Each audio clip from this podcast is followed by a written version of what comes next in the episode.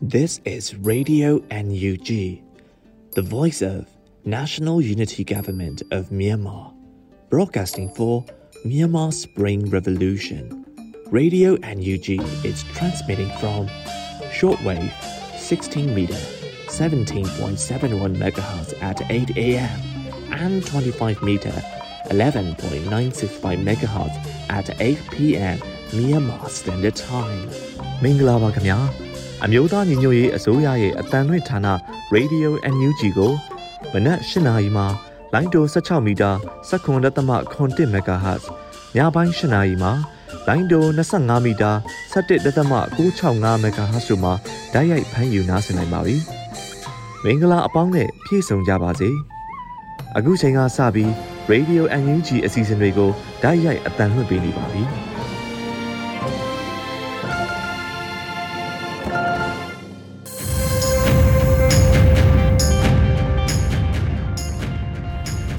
မြန်မာနိုင်ငံသူနိုင်ငံသားအပေါင်းတဘာဝပြီးဆရာနာရှင်ဘေးတို့ကနေကင်းဝေးပြီးကိုစိတ်နှပါစမ်းမလုံးခြုံပေးကင်းကြပါစေလို့ရေဒီယို UNG အဖွဲ့သားများကဆုတောင်းမေတ္တာပို့သလိုက်ရပါတယ်ရှင်။အခုချိန်ကစပြီးရေဒီယို UNG ရဲ့နောက်ဆုံးရသတင်းကြေးများကိုຫນွေဦးနှင်းစီကတင်ဆက်ပေးပါမယ်ရှင်။အခုချိန်ကစပြီးနောက်ဆုံးရသတင်းကြေးများကိုတင်ဆက်ပေးမှာဖြစ်ပါတယ်ရှင်။ ပြည်အောင်စုသမ္မတမြန်မာနိုင်ငံတော်အမျိုးသားညီညွတ်ရေးအစိုးရစီမံကိန်းဗဏ္ဍာရေးနှင့်ယင်းနှိမ့်မြှုပ်နှံမှုဝန်ကြီးဌာနကနေဦးတော်လှန်ရေးအထူးငွေတိုက်စာချုပ်များကိုစတင်ထုတ်ဝေရောင်းချမည့်နေ့ရက်ကိုအသိပေးကြေညာသည့်အနေဖြင့်ကြေညာချက်အမှတ်73မြင်းဆောင်2021ကို2021ခုနှစ်နိုဝင်ဘာလ16ရက်နေ့တွင်ထုတ်ပြန်ကြေညာလိုက်ပါတယ်။ ရင်းကြီးညာချက်တွင်အောက်ပါအချက်အလက်များပါဝင်ပြီးစီမံကိန်းဗဏ္ဍာရေးနှင့်ယင်းနှိမ့်မြုပ်နှံမှုဝန်ကြီးဌာနပြည်ထောင်စုဝန်ကြီးဦးတင်ထွန်းနိုင်လက်မှတ်ဖြင့်ထုတ်ပြန်ထားတာဖြစ်ပါတယ်။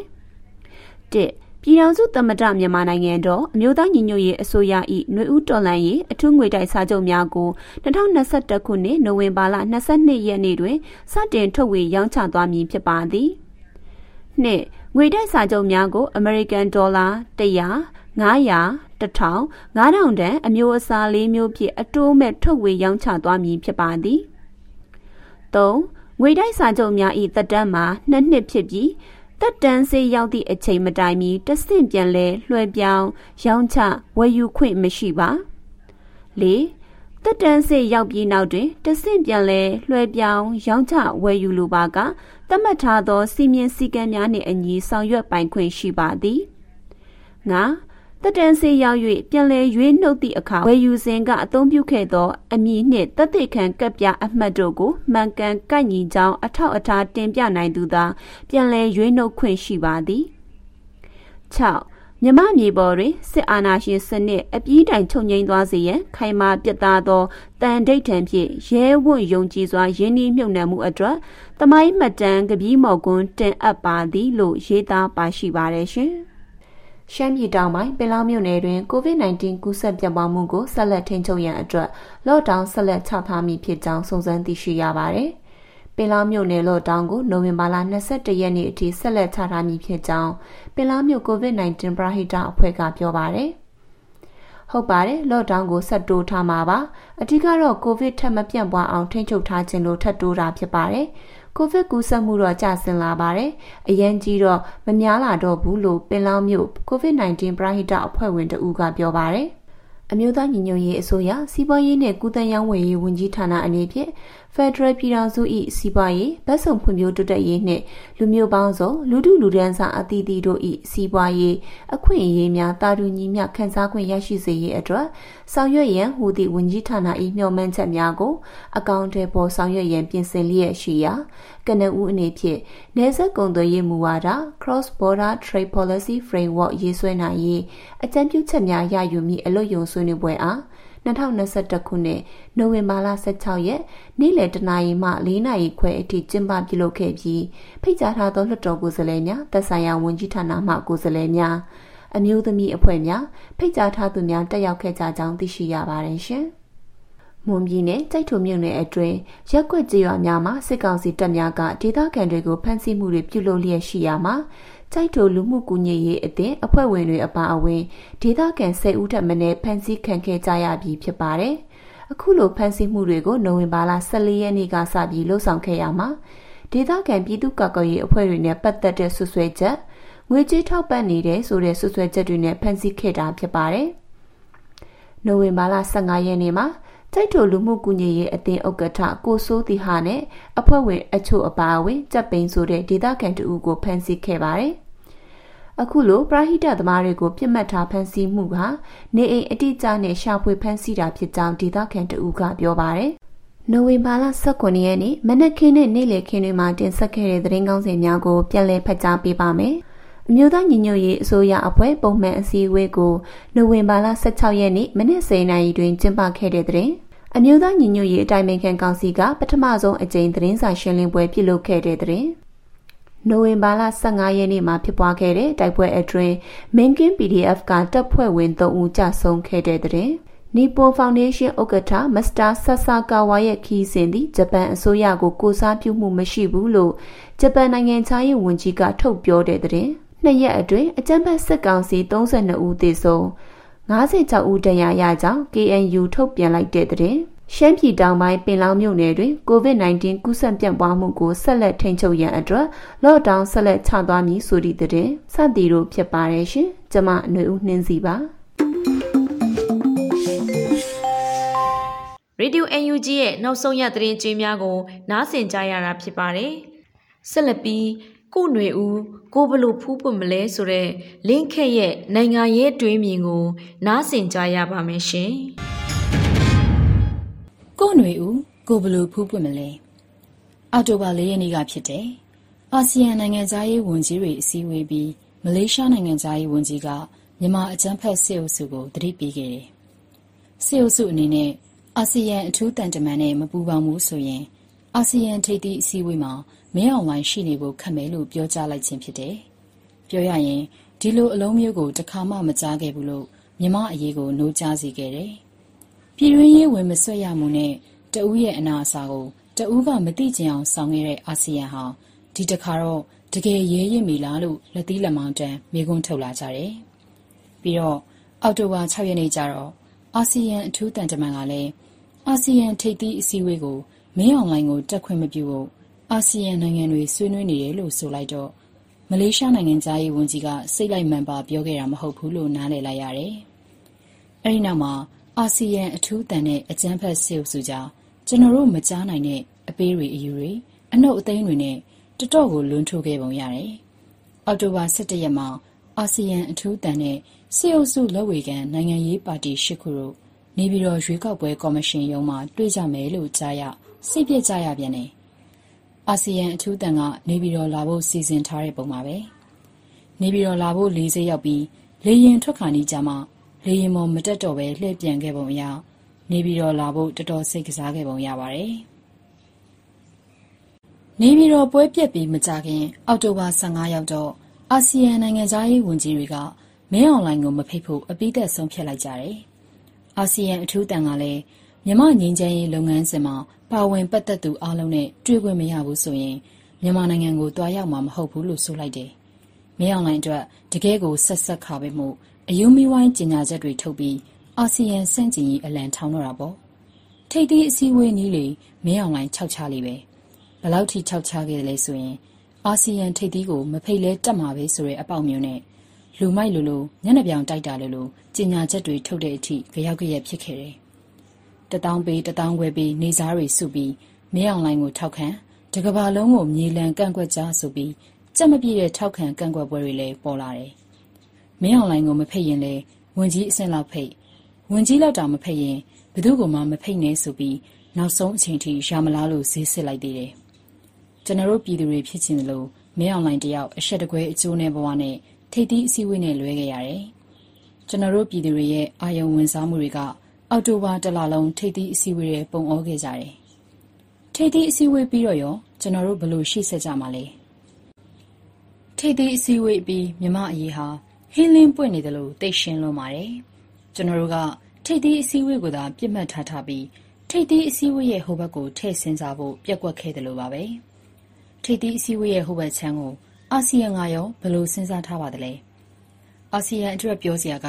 အချိန်အကန့်အသတ်မရှိတဲ့ အာဆီယံ သဘောတူညီချက် ၅ ရပ်ပဲ ရှိပါတယ်။ထိပ်သီးအစည်းအဝေးပြီး နိုဝင်ဘာ ၂ ရက်နေ့က ပြုလုပ်တဲ့ အာဆီယံစီးရင်စစ်ချုပ်ရုံးများ ထိပ်သီးအစည်းအဝေးမှာ စစ်အုပ်စု ဒုကောင်ဆောင် စိုးဝင်းက အာဆီယံ မျှော်လင့်နေမှာဆိုလို့တေချာအောင် ထပ်ပြောခဲ့တယ်။ဒေါအောင်ဆန်းစုကြည်နဲ့ တွေ့ခွင့်ကို လုံးဝလက်ခံမှာ မဟုတ်ဘူး ဆိုတာကိုပေါ့။ဒါကို နောက်တစ်မျိုးပြောရရင် မြမအရေး အာဆီယံရဲ့ဂျာဝင်ညှိနှိုင်းမှုကို လုံးဝလက်ခံမှာ မဟုတ်ဘူးလို့ ပြောလိုက်ကြပါပဲ။မင်းအောင်လှိုင်ရဲ့ လမ်းကတော့ ရှင်းပါတယ်။ အခြေခံဥပဒေအရအချောင်ရခဲ့တဲ့လွှတ်တော်တွင်တက်ကိုယ်စားလှယ်25ရာခိုင်နှုန်းရောစစ်တပ်ကြီးတရက်လုံးရောပြည်ခိုင်ဖြိုးနဲ့လက်ဝေခံပါတီတွေရောပေါင်းတာတောင်နောင်ဘဝထိတိုင်ဒေါအောင်ဆန်းစုကြည်နဲ့ NLD ကိုဘလို့မှနိုင်စရာအကြောင်းမရှိမှန်းစိတ်ချလက်ချယုံကြည်ခဲ့ပြီးပြီဆိုတော့မင်းအောင်လှိုင်ရဲ့လမ်းကမြမနိုင်ငံရေးနယ်ပယ်မှာဒေါအောင်ဆန်းစုကြည်နဲ့ NLD လုံးဝမရှိတဲ့လမ်းအဲ့လိုလမ်းကိုပောက်ဖို့ဒေါအောင်ဆန်းစုကြည်နဲ့ NLD တွေမက ဆန့်ကျင်ပြည်သူ ဘယ်သူ့ကိုမဆို ခုတ်ထွင်ရှင်းလင်းနေတာပါ။အောက်တိုဘာ ၂၉ ရက်နေ့ ချင်းပြည်နယ်၊ထန်တလန်မြို့ထဲ ပြည်သူတွေရဲ့ နေအိမ်တွေကို ရည်ရွယ်ချက်ရှိရှိ လက်နက်ကြီးနဲ့ ပစ်ခတ်မီးလောင်နိုင်သွင်းခဲ့တာ၊ဘုရားကျောင်း ၂ ကျောင်းနဲ့ အိမ် ၁၆၀ ကျော်အထိ ပြာကျခဲ့တယ်။အဲဒီလို ဖြစ်ရပ်မျိုး ကျူးလွန်ရင် နိုင်ငံတကာအထိ ဆိုးဆိုးရွားရွား ကျော်ကြားနိုင်မှန်း သိလျက်နဲ့ သူ့လမ်းအတွက် သူ့ဒေါသကို မထိန်းနိုင်တော့ ပြည်သူကို ပစ်မှတ်ထား ခုတ်ထွင်ရှင်းလင်းခဲ့တယ် ပြောရရင် မင်းအောင်လှိုင်က အာဆီယံမူ ၅ ချက်ကို လက်မခံရုံနဲ့မက ဘယ်ကဘာကိုမှ ဂရုမစိုက်ပဲတက်ချင်းဖြတ်ချင်း ရုံမာပတ်ဆက်ချင်းများစွာနဲ့ သူ့လန်းသူရောက်အောင် ဖောက်မယ်လို့ အသိပေးလိုက်တာပါပဲ။ဒါကို ထပ်ပြောရမယ်ဆိုရင် နိုင်ငံတကာနဲ့ အာဆီယံက အာဆီယံမူ ၅ ချက်ကို လက်ခံလာအောင်ဘလို့နီးလန်းတွေ သုံးမလဲလို့ ကြံစနေတဲ့အချိန်မှာ မင်းအောင်လှိုင်တို့တစုက ခြေတလန်းစော်ပြီး အာဆီယံကိုပဲသူ့လန်းသူဖောက် သူ့အလုပ်သူ လုပ်နေခြင်းပဲ ဖြစ်တယ်။ အာဆီယံ အထူးတန်တမန်အေရွန်ယူဆော့ဖ်ကနိုဝင်ဘာ10ရက်နေ့ကျင်းပတဲ့ ကုလလုံခြုံရေးကောင်စီ အစည်းအဝေးမှာ မြန်မာနိုင်ငံထဲဝင်ပြီး သက်ဆိုင်သူအားလုံးနဲ့ တွေ့ဆုံမှုစစ်အုပ်စုက ခွင့်မပြု ခွင့်ပြုချက်ရရေး ဆက်လက်စူးစမ်းနေတယ်လို့ ပြောပါတယ်။ဘယ်အချိန်ထိစူးစမ်းမှလို့ မပြောခဲ့ပေမဲ့ အထူးတန်တမန်တက်တန်း ကုန်တဲ့အထိပါပဲ။2022ခုနှစ် နှစ်စမ်းပိုင်းမှာ အာဆီယံဥက္ကဋ္ဌတဲ့ကမ္ဘောဒီးယားနိုင်ငံက အာဆီယံမူ ၅ ချက်ကို စစ်အုပ်စုလက်ခံမှုဆက်လက် ဖိအားပေးမယ်။ အာဆီယံ အထူးတန်တမန်အသစ်ကိုလည်းထက်ခန့်သွားမယ်လို့ ပြောသွားခဲ့ပါတယ်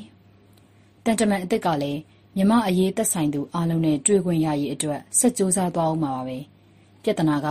ဘယ်အချိန်ထိကြိုးစား အဲ့ဒီအချိန်ကျော်ရင် လုံးဝလက်လျှော့ပြီး နောက်တစ်မျိုး ထပ်စဉ်းစားမယ်ဆိုတာမျိုး အချိန်ကန့်သက်ချက် မရှိခြင်းပါ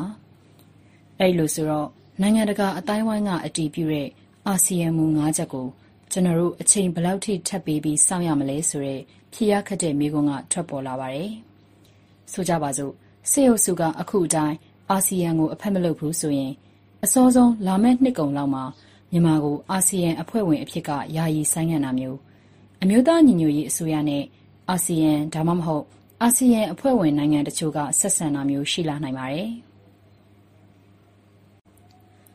အခြားတစ်ဖက် ကုလသမဂ္ဂလမ်းကြောင်းကနေတဆင့် မင်းအောင်လိုင်းနဲ့ အပေါင်းအပါတွေ နိုင်ငံတကာရာဇဝတ်ခုံရုံးရောက်တာမျိုးရှိလာနိုင်ပါတယ်။ဒါပေမဲ့အဲ့ဒီလိုအခြေအနေမျိုးရောက်ဖို့ဆိုတာကတန်တမန်လမ်းကြောင်းထုံးစံအတိုင်းတရွေ့ရွေ့နဲ့ကြာလေးရှိရမှု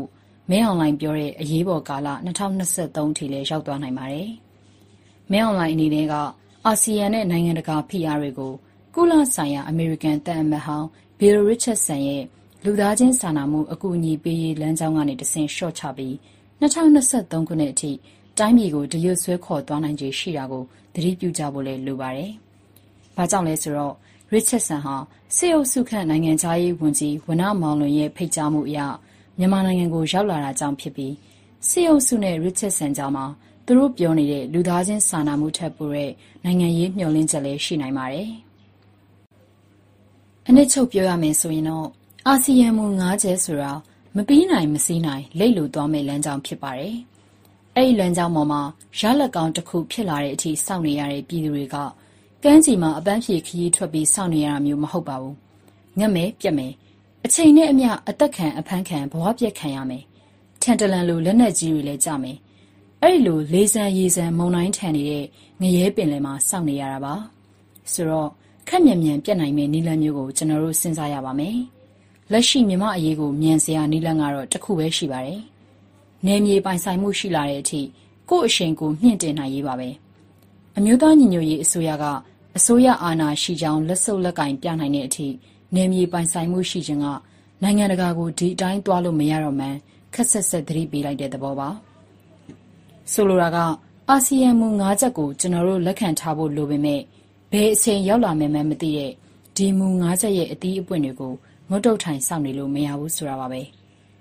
ကိုအားကိုကိုကြီးကအဓိကပါနိုင်ငံတကာအတိုင်းဝိုင်းရဲ့ထောက်ခံမှုနဲ့ဖိအားကຫນွေဦးတော်လန်ရေးအတွက်မရှိမဖြစ်အရေးပါပေမဲ့အဲ့ဒါထက်ပိုအရေးပါတာကကိုရန်ရဲ့အားဆိုင်မှုပါနိုင်ငံတကာဖိအားဆိုတာကိုကိုဖြစ်ချင်တယ်လို့လုပ်ယူလို့မရပါပဲကိုရန်ရဲ့အားဆိုင်မှုကိုတော့ကိုဖြစ်ချင်တယ်လို့တိဆောက်နိုင်ပါတယ်ကျွန်တော်တို့ပြည်သူတဦးချင်းစီရဲ့စိတ်အားထက်သန်မှုနဲ့ထဲ့ဝင်နိုင်စွမ်းကသာຫນွေဦးတော်လန်ရေးကိုအဓိကဆုံးဖြတ်ပေးမှာပါ ຫນွေဦးတော်လန်ရေးရဲ့တအူးမှာရှိနေတဲ့အမျိုးသားညီညွတ်ရေးအစိုးရနဲ့လည်းအလုတ်တွင်နှုံနေပေမဲ့အထီးကိုက်ကင်းတဲ့တန်တမန်ရေးလမ်းကြောင်းပေါ်မှာသာအိမ်မက်မက်မနေဖို့အရေးကြီးပါတယ်။ Radio UNG မှဆက်လက်တန်လွှင့်နေပါတယ်။ဆက်လက်ပြီးဘုံမြင့်တွေဦးဖတ်ကြားထားတဲ့ဂျားဝင်ညှိနှိုင်းမှုတွေဘလောက်ခရီးရောက်မလဲဆိုတော့မိုးမခသတင်းမြင်ကွင်းဆောင်ပါကို နားဆင်ကြရပါမယ်ရှင်။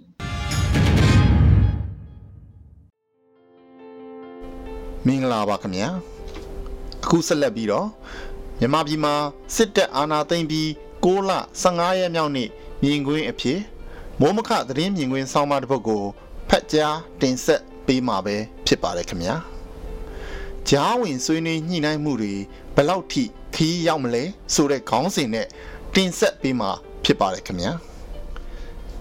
အခုသတင်းပတ်ထဲမှာတရုတ်နိုင်ငံထိုင်းနိုင်ငံ ဂျပန်နိုင်ငံတို့ကအစိုးရအဖွဲ့ဝင်ကိုယ်စားလှယ်ဖောင်ဒေးရှင်းဥက္ကဋ္ဌတွေနဲ့အလွတ်တန်းတန်တမန်ဘေးရစ်ချတ်ဆန်ရဲ့ဒုတိယတစ်ခေါက်သတင်းတောက်ကို လာရောက်ခေါ်ဆောင်တဲ့ခီးစဉ်တွေကသတင်းတွေတဲ့အများစုဖော်ပြနေကြတာဖြစ်ပါတယ်။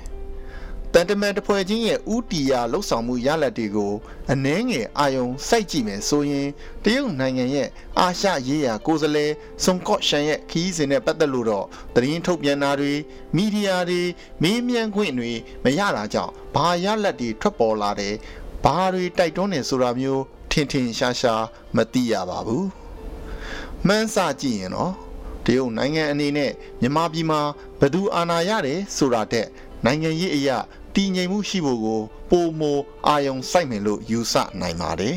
။တရုတ်နိုင်ငံရဲ့အိန္ဒိချင်းနိုင်ငံဖြစ်တာရဲ့တရုတ်နိုင်ငံရဲ့အနောက်တောင်ပိုင်းရဲ့အိန္ဒိယသမုဒ္ဒရာထွက်ပေါက်ပေါ်စွမ်းအင်တင်သွင်းမှုဆိုင်ရာလမ်းကြောင်းအနာဂတ်မှာကုန်ပစ္စည်းပါတည်ဆောင်နိုင်ဖို့ယထာလန်ဖောက်လုပ်ဖို့တည်ရည်ရွယ်ထားတဲ့အနေအထားခပတ်တကွင်းလန်ဒစင်စီမံကိန်းတွေမှာလည်းမြန်မာနိုင်ငံကပါဝင်နေတာတွေကိုကြည့်ရင်မြန်မာနိုင်ငံရေးမှာအနည်းနဲ့အများဩဇာပေးမှာယုံမားတန်တရားဖြစ်เสียမရှိပါဘူးအခုအနေအထားမှာတော့တရုတ်နိုင်ငံအနေနဲ့မြန်မာအရေးမှာလက်နက်ကင်ပြိပခါတွေကိုအခုထက်ပိုပြီးကျယ်ပြန့်လာမယ့်အရေးပါဝင်ပတ်သက်သူပုံမများပြားလာတာ တနိုင်ငံလုံးအတိုင်းအတာနဲ့လက်နက်ကင်ပြိပခါတွေဖြစ်လာမှာကို မလိုလားတဲ့စိတ်အခြေခံရှိမယ်လို့ယူဆရပါတယ်စစ်ကောင်စီတစ်ဖက်သေးကိုဆက်ဆံတာမျိုးတဲ့အတိုက်ခံအင်အားစုတွေကိုပါဆက်ဆံရေးလမ်းကြောင်းဖွင့်ထားတာကို တွေ့ရပါတယ်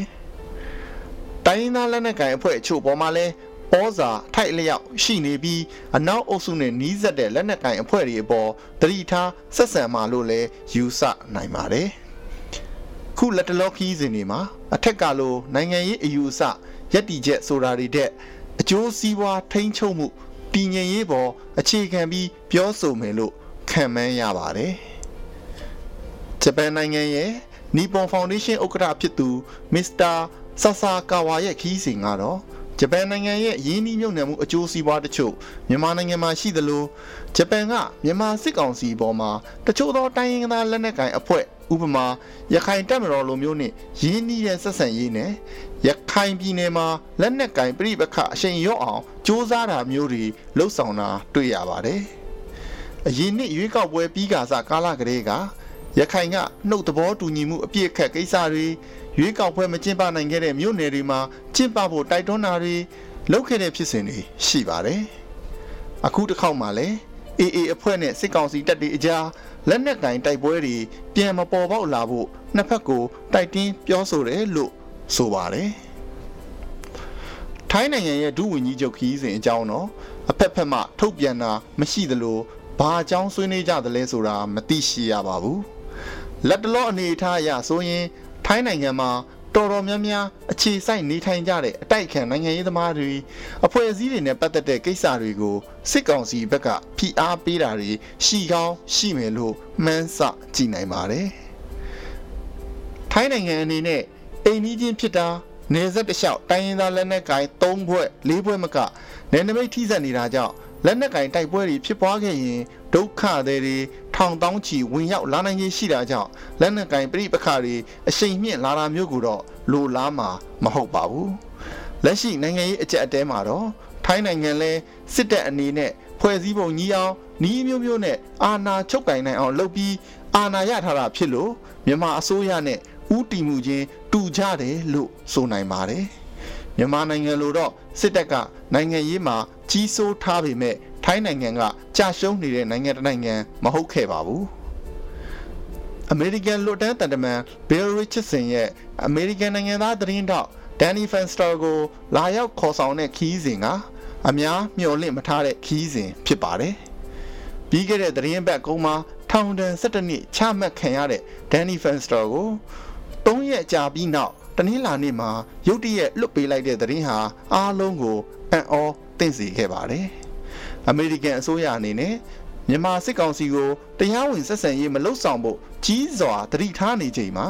အမေရိကန်နိုင်ငံသားသတင်းသမားလွတ်မြောက်ရေးအတွက်နိုင်ငံရေးသမားဟောင်းပြည်내အုပ်ချုပ်ရေးမှူးဟောင်းအလွတ်တန်းတန်တမန်ဘေးရစ်ချဆန်ကိုစေလွတ်ပြီးစူးစမ်းစေခဲ့တာလားလို့ယူဆစရာတချို့လည်းရှိပါတယ်။ဒီဖြစ်ပျက်တွေက မြမအကြက်တဲပြိပခါတွေကအသေးအမွားအစိတ်ပိုင်းတချို့သာဖြစ်တယ်လို့ဆိုနိုင်ပါတယ်။ပြိပခါကြီးတစ်ခုဖြစ်တဲ့2020ရွေးကောက်ပွဲရလက်ဖက်ဒရယ်ရရှိရေးသို့မဟုတ် Confederation မျှော်လင့်ချက်တွေအတွက်လက်နက်ကင်တိုက်ပွဲစစ်တပ်ကိုနိုင်ငံရေးကနေဖယ်ရှားမယ်ဆိုတဲ့လက်နက်ကင်တိုက်ခိုက်မှုတွေကြီးရွာတွေမြို့နယ်တွေပြည်နယ်တွေအလိုက် အမဲလိုက်တနက်လိုတူမီတွေစတင်ကင်ဆွဲပြီးလက်နက်ကင်တိုက်ခိုက်နေကြတဲ့ပြိပခါကိုနိုင်ငံရေးလမ်းကြောင်းနဲ့ဖြည့်ရှင်းဖို့ပြန်လဲပြောဆိုညှိနှိုင်းကြမလားဆိုတာကတော့မေးခွန်းကလွဲကူသလောက်အဖြေကိုဖြေဆိုနိုင်မဲ့သူလောလောဆယ်မရှိသေးတဲ့သဘောလဲဖြစ်ပါလိမ့်မယ်ဆိုတဲ့အကြောင်းဖတ်ကြားတင်ဆက်လိုက်ရပါတယ်ခင်ဗျာ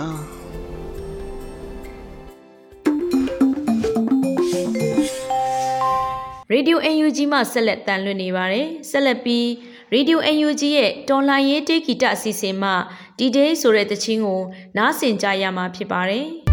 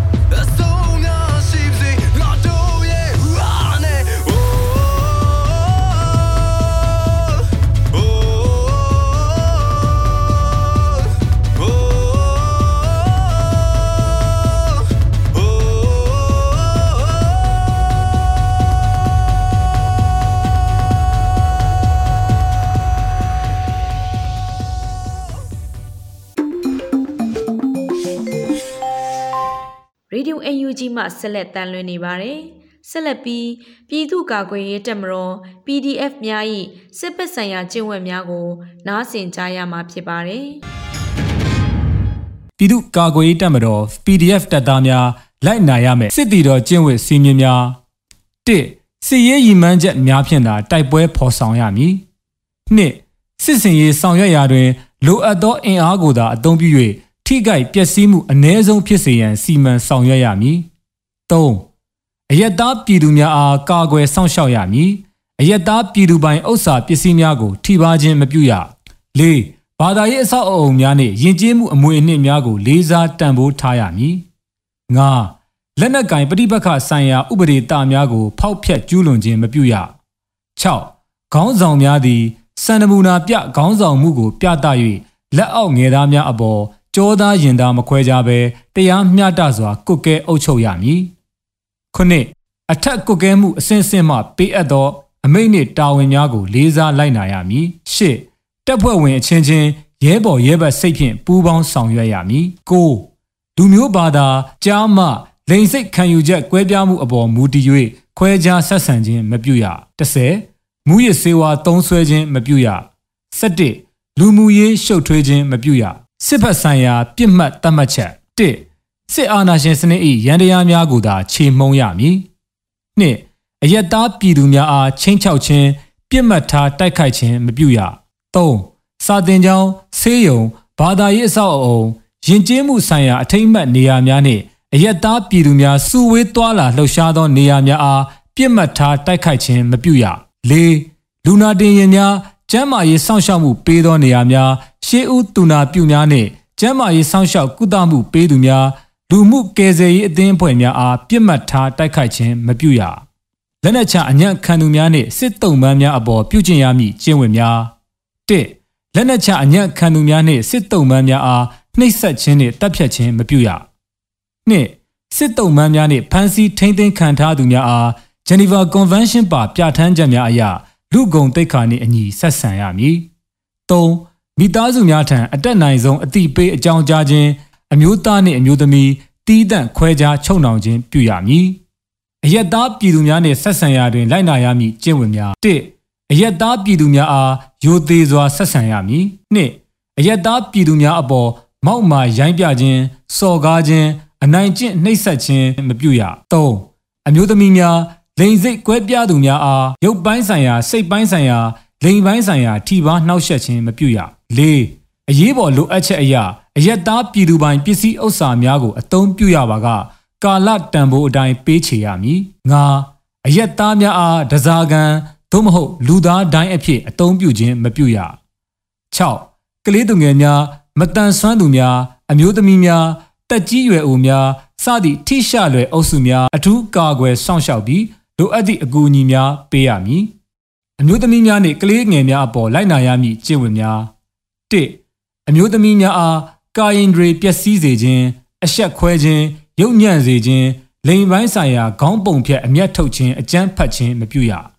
နှစ်အရွယ်မရောက်သေးသောကလေးများအားလိန်ပိုင်းဆိုင်ရာထိတွေ့ဆက်ဆံခြင်းအကြမ်းဖက်ခြင်းမပြုလုပ်ရ ဒီကနေ့တော့ဒီညနေပဲ Radio NUG ရဲ့အစီအစဉ်တွေကိုခਿੱတရနာလိုက်ပါမယ်မြန်မာစံတော်ချိန်မနေ့၈နာရီနဲ့ညနေ၈နာရီအချိန်တွေမှာပြန်လည်ဆုံတွေ့ကြပါစို့ Radio NUG ကိုမနေ့၈နာရီမှာလိုင်းဒို16မီတာ19.7 MHz ညပိုင်း၈နာရီမှာ လိုင်းဒို25မီတာ17.665 MHz တို့မှာဓာတ်ရိုက်ဖမ်းယူနာဆင်နိုင်ပါပြီမြန်မာနိုင်ငံသူနိုင်ငံသားများကိုစိတ်နှဖျားချမ်းမာချမ်းသာလို့ဘေးကင်းလုံခြုံကြပါစေလို့